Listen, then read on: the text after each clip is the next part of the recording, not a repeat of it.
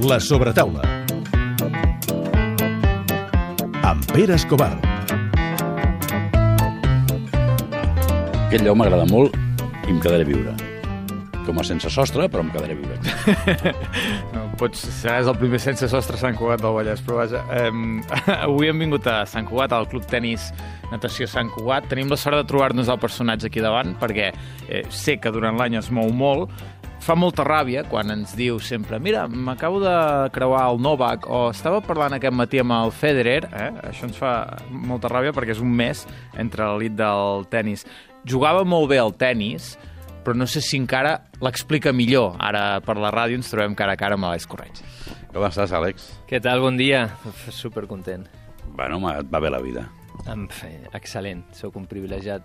Tota la vida ho he sigut, però et diria que potser fins i tot ara més, perquè ara em dono més compte. I és, I és més difícil, eh? eh? Ara és més difícil, en el sentit que has deixat de fer el que feies com Déu Nostre Senyor, estàs fent una altra cosa, has deixat el foco, n'has atrapat un altre, i jo diria, com deia, com deia el Xavi, hòstia, estàs al, al, al mig.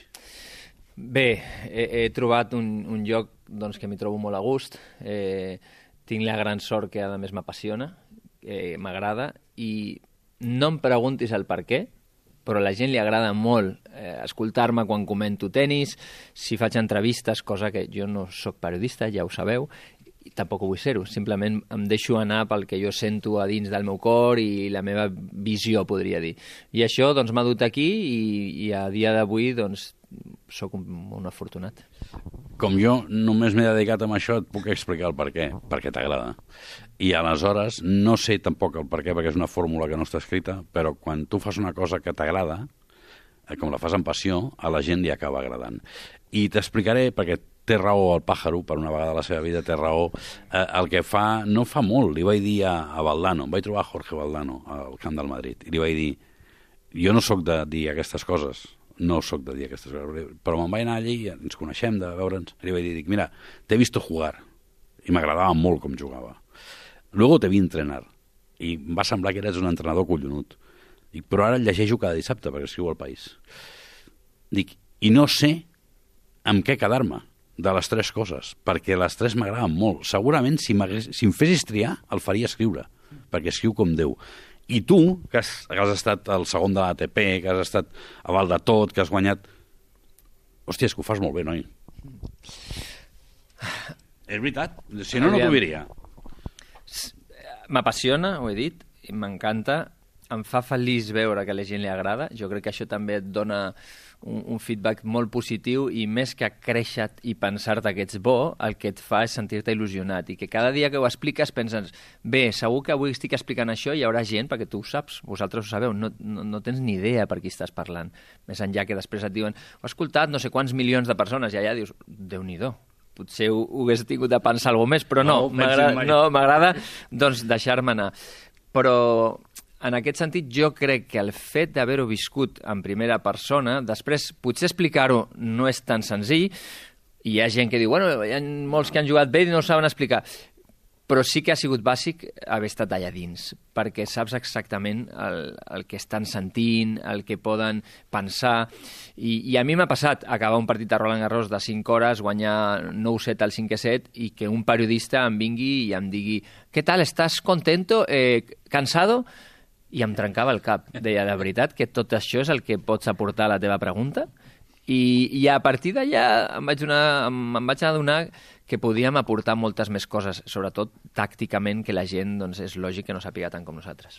Això és així. Tu has parlat del partit més llarg de la història de Roland Garros, 5 hores i mitja. Molt bé, molt bé. Eh, Has tinc vingut amb els deures Home, fets, eh? Ara 5, sí 5, que... 7, 6, 7, 7, 5, 9, Molt bé. 7. Cinc Amb Hernán 31. Gumi, que no, no me'n recordo d'aquest home, sí, però jo no, no, no. Eh, el més llarg, i, i això passa. A mi, jo, jo ho he vist, aquestes coses passen. No? Però després s'ha de saber explicar, i això no ho sap fer tothom. És a dir, per exemple, a Pichi Alonso, jo li deia sempre, és que tens una capacitat per explicar les coses que no tothom té. Per, perquè més ho has d'explicar a un nivell que la gent pugui comprendre, i tu tens aquest do. Però tu no havies fet mai res d'això. No, no. El meu pare, saps, el meu pare Lluís, saps que ha sigut director d'escola, ha Sí. estudiat magisteri, té El aquest teu punt pare té aquest do, sí. té aquest do de pedagogia, d'explicar-te sí. les coses de que ets ben petit. La meva mare, lògicament, doncs, s'ha ocupat també de que miréssim sempre molt com expliquem les coses, perquè sempre li ha preocupat molt, fins i tot a l'extrem de, de si et poses una gorra al matí es preocupa de dir què diran avui que t'has posat una gorra al revés, no? Vull dir, una mica exageradament, però, però sí que han cuidat molt el, el que és el respecte a l'educació, no? els valors, i a l'hora d'explicar les coses sempre ens ho han fet veure tot molt, no, no ens han imposat mai res, sempre ens ho han explicat. I jo crec que per això al final també ho, ho portes a dins i algo d'innat deu haver-hi, però... Ho has après? Ho has Ho, après a ho he casa? après, sí, sincerament. Tens un avantatge, deixa'm-ho dir-t'ho, eh, però perquè també te l'has currat. És a dir, el respecte que tenen els jugadors, quan jo veig, com, quan fas les entrevistes, eh, és un respecte que la gent pot pensar que és natural perquè tu has estat parte de, eh? tu has format part però el jugador també, i tu has sigut jugador, és molt, és molt curiós i molt... Ara aquest què collons ve a explicar? Va? Sí, perquè és així, tu saps Sí, sí, que ho sí. sou. Eh, però tu has sabut guanyar-te aquest respecte. Ara, explicant-ho com ho expliques, preguntant com preguntes, i abans estan al seu costat. Sí, al, al al final per sobretot és el respecte a, a nivell mutu de dir, aviam, jo, jo no els jutjo mai, cosa que hi ha periodistes que, que sí que ho fan. Eh, I això com a esportista tu ho agraeixes, és a dir, Jutjar vol dir que no pots dir que ha fet una cosa malament? no, sí, pots dir-ho, però no eh, posar-lo en tela de juicio del per què ho has fet així o per què no ho has fet això, perquè llavors jo crec que, que l'estàs jutjant i, i tu no saps mai el que està passant a aquella persona, ja no et dic a nivell personal, a nivell professional, eh, què, què has sentit aquell dia. Nosaltres sabem que hi ha molts partits que tu et trobes molt malament a la pista i l'únic que t'importa aquell dia és guanyar, perquè és el dimecres de la primera setmana de Roland Garros i tu el que necessites és guanyar aquell partit per intentar arribar a la segona setmana. Llavors, quan et ve un periodista i et diu eh, o, et, o et jutja i et diu, home, és que amb, aquell, amb aquest nivell de tennis tu creus que pots eh, arribar a la segona setmana perquè és molt difícil que guanyis partits jugant en aquest tennis tan dolent. I clar, tu dius, aviam, relaxa't una mica, saps? Perquè no, probablement no estàs entenent, les sensacions al tennis són molt importants, però curiosament, i poca gent ho sap, la majoria de vegades són dolentes les sensacions. Què vol dir? Que tu t'has d'acostumar a guanyar sentint-te malament a la pista. Físicament, fins i tot a vegades mentalment, tenísticament, però dona igual, has de trobar una solució. I això, des de fora, veuen només si estàs jugant bé o estàs malament, no tenen ni idea del que tu estàs sentint interiorment. Llavors ells t'estan jutjant una mica el teu tennis. Quan tu guanyes, diuen, sí, molt bé, has guanyat, però no... Bueno, avui he guanyat, demà ja veurem, perquè demà potser fa sol, avui havia plogut i la pilota estava mullada, estava més pesada, eh, jugava contra una esquerrà, demà jugo contra un dretà... Tot això influeix al tennis. Avui fa vent, demà no ho fa, avui va fa 30 graus, abans d'ahir feia 15... Tot això el teu cos també ho nota. Llavors tu t'has de saber adaptar. Llavors, per això dic que a vegades, quan vas a les rodes de premsa i et pregunten segons quines coses, te n'adones doncs, que pff, tenen, tenen poca idea i alguns amb mala bava. Tu has trobat aquest punt de gràcia, tu has trobat... però m'imagino que, que no amb tothom, perquè sempre hi ha alguna excepció. T'has trobat algun cas que... No, mira, ta- també em coneixes fa molts anys i ja saps que sóc políticament correcte en aquest sentit. Si no, no, et demano noms. Llavors, no demano noms perquè, eh, perquè seria... Sí, sí, a- estaria traint una mica el, el, el meu... Ja sé amb qui estic. Però, aviam, tornem al mateix de jutjar o no. Hi ha jugadors que són molt senzills de fer entrevistes, i sí que et diré noms, perquè si tu parles amb el Rafa Nadal i tu li busques una pregunta, un, res, una miqueta que li donguis, ell t'explicarà perfectament què ha passat al 4-3 perquè aquella pilota l'ha deixat caure i si la dreta eh, hauria d'haver jugat creuat i ha jugat paral·lel. Llavors, jo normalment tinc temps per fer dos, tres preguntes a postpartit. Una altra cosa és a plató, que igual sí que bueno, pots preparar una mica més. Quan jo vaig amb el Rafa vaig amb alguna idea d'aviam què li puc treure i ell de seguida em dona una resposta tan bona que la meva segona ve relacionada quasi segur amb el que m'ha contestat ell, a menys que vulgui incidir en alguna cosa. Federer, tres quarts del mateix. Djokovic, tres quarts del mateix. A la inversa, em passa, no generalitzant, però bastant més, les noies són com, van una mica més a pinyó fixa amb les seves respostes, perquè em fa la sensació que tenen por de ficar-se en jardins. Llavors es queden més limitades a tu li preguntes, escolta, doncs he vist que en el 3-2 has fet un canvi, has començat a jugar una miqueta amb més alçada i has, has dominat més amb, amb la teva dreta per tirar al revés paral·lel, i et diuen, sí, eh, ha sigut un moment molt important de jugar més agressiva. I dius, vale. Llavors, tu ja saps, si vas a entrevistar segons quin eh, jugador o jugadora, que potser jo m'haig de preparar interiorment, perquè a més jo no les anoto, vaig allà a, a pelo, no? 5 o 6 preguntes, perquè potser faig 5 o 6 preguntes i l'entrevista és un minut 20 segons. I amb el Rafa una resposta pot ser un minut i mig o dos. Amb això vull dir que, hi- tornem al mateix de jutjar o no, no jutjo la seva resposta, però sí que hi ha jugadors, o en aquest cas més jugadores, que els hi costa més expressar-se perquè fa la sensació que tenen por. Per exemple, en la Serena Williams, molta gent, jo faig televisió espanyola i sobretot amb Eurosport internacionalment, Serena Williams, hi ha molta gent que em diu, doncs et toca tu la Serena, bueno, aviam què li treus i tal. I jo m'ho passo superbé amb ella. És cert que jo jugava quan ella jugava, em coneix, es relaxa, parlem de coses així divertides i després li dic, bueno, va, estàs preparada per xerrar? Ai, sí, pregunta'm, pregunta'm. I ella m'explica mil coses, però jo he vist que a vegades respon i igual respon en 4 segons. I en canvi a mi no. A mi em dona molt de joc. Llavors, bueno, tinc aquesta sort que... Bueno, et coneixen molts, però també t'asseguro que dels joves no et coneixen gairebé ningú. I això com ho portes? Em dona absolutament igual. Sí, absolut, absolutament. Zero. O no, no, Em no, preocupa no. zero, Pere. No, no, no, no dic que em preocupi, ja sé que no et No, preocupa, no. perquè no et pot preocupar.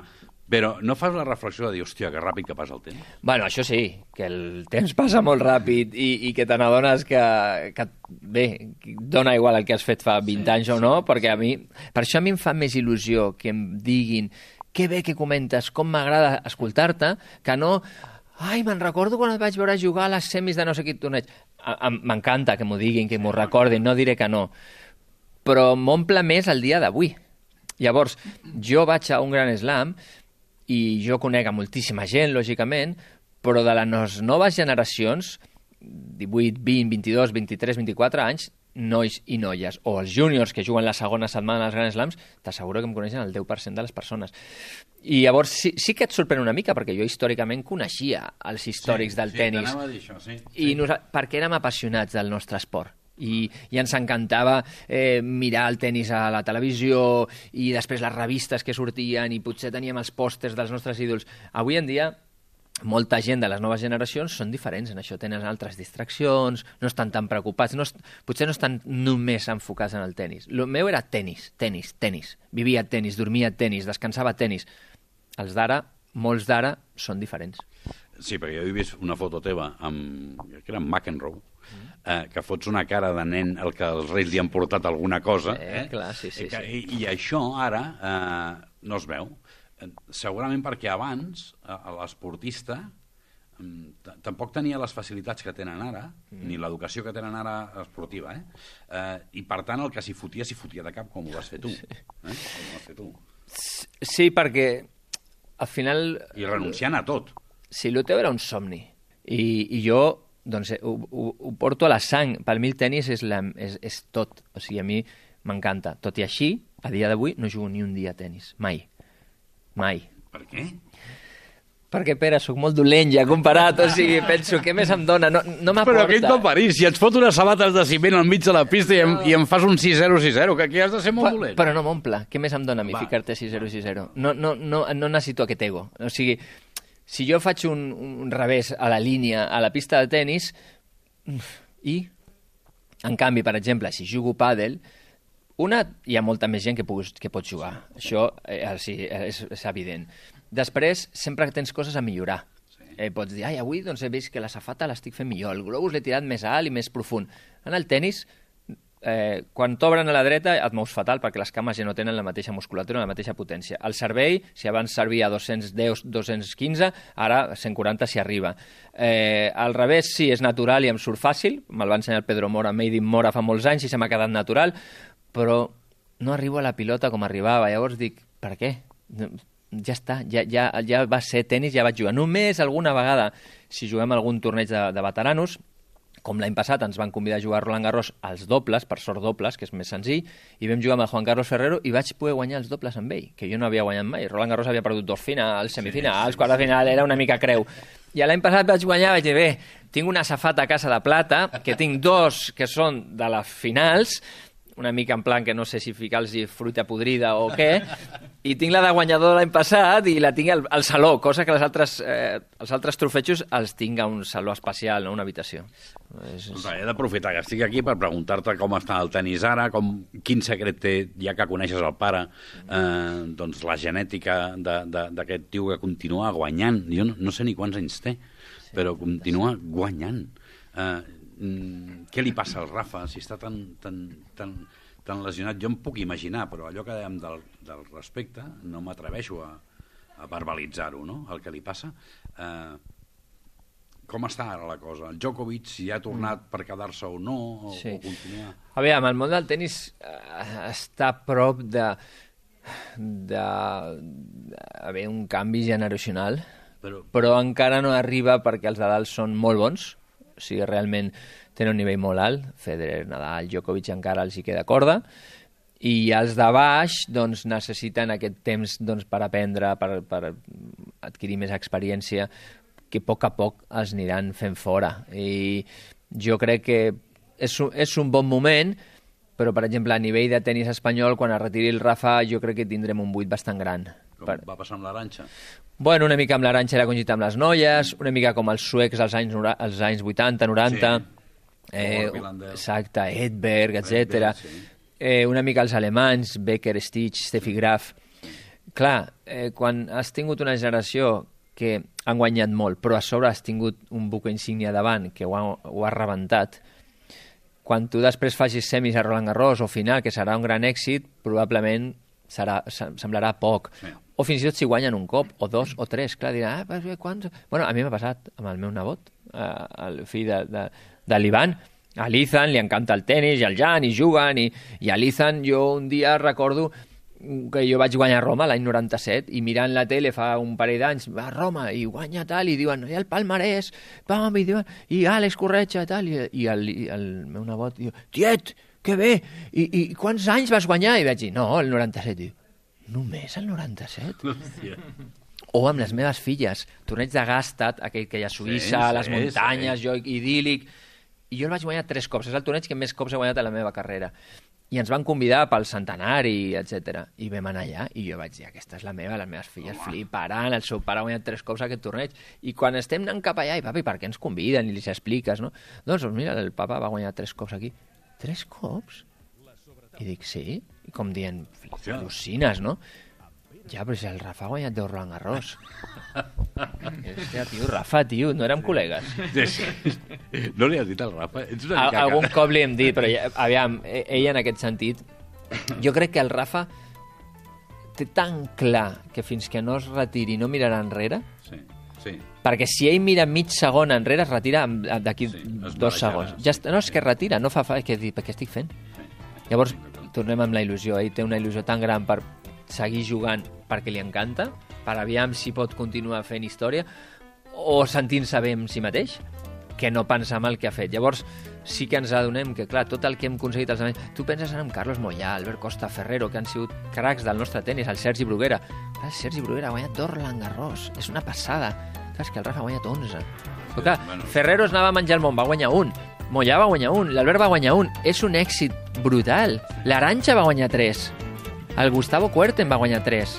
I eren referents del nostre tennis. El Rafa ha guanyat 11 i espera.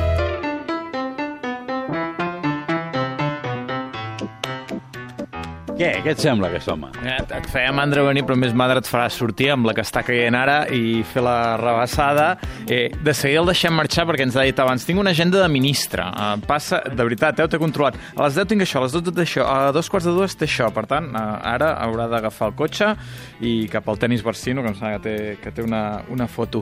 Fas molta ràbia, perquè una de les feines, per exemple, que a mi m'agrada més és allò del que diem nosaltres micròfon autònom, que és estar baix a pista, és fer les entrevistes després del partit, i eh, sempre havíem pensat, dic, hosti, això que posin esportistes eh, allà, quina ràbia que fa, no? Perquè, clar, els tios allà com uns enxufats, i ara t'he de reconèixer que quan et veig, amb, amb les generacions més joves eh, que hi ha, dic, Fixeu-vos en com ho fa l'Àlex Correia. No és piloteig, eh? És totalment cert.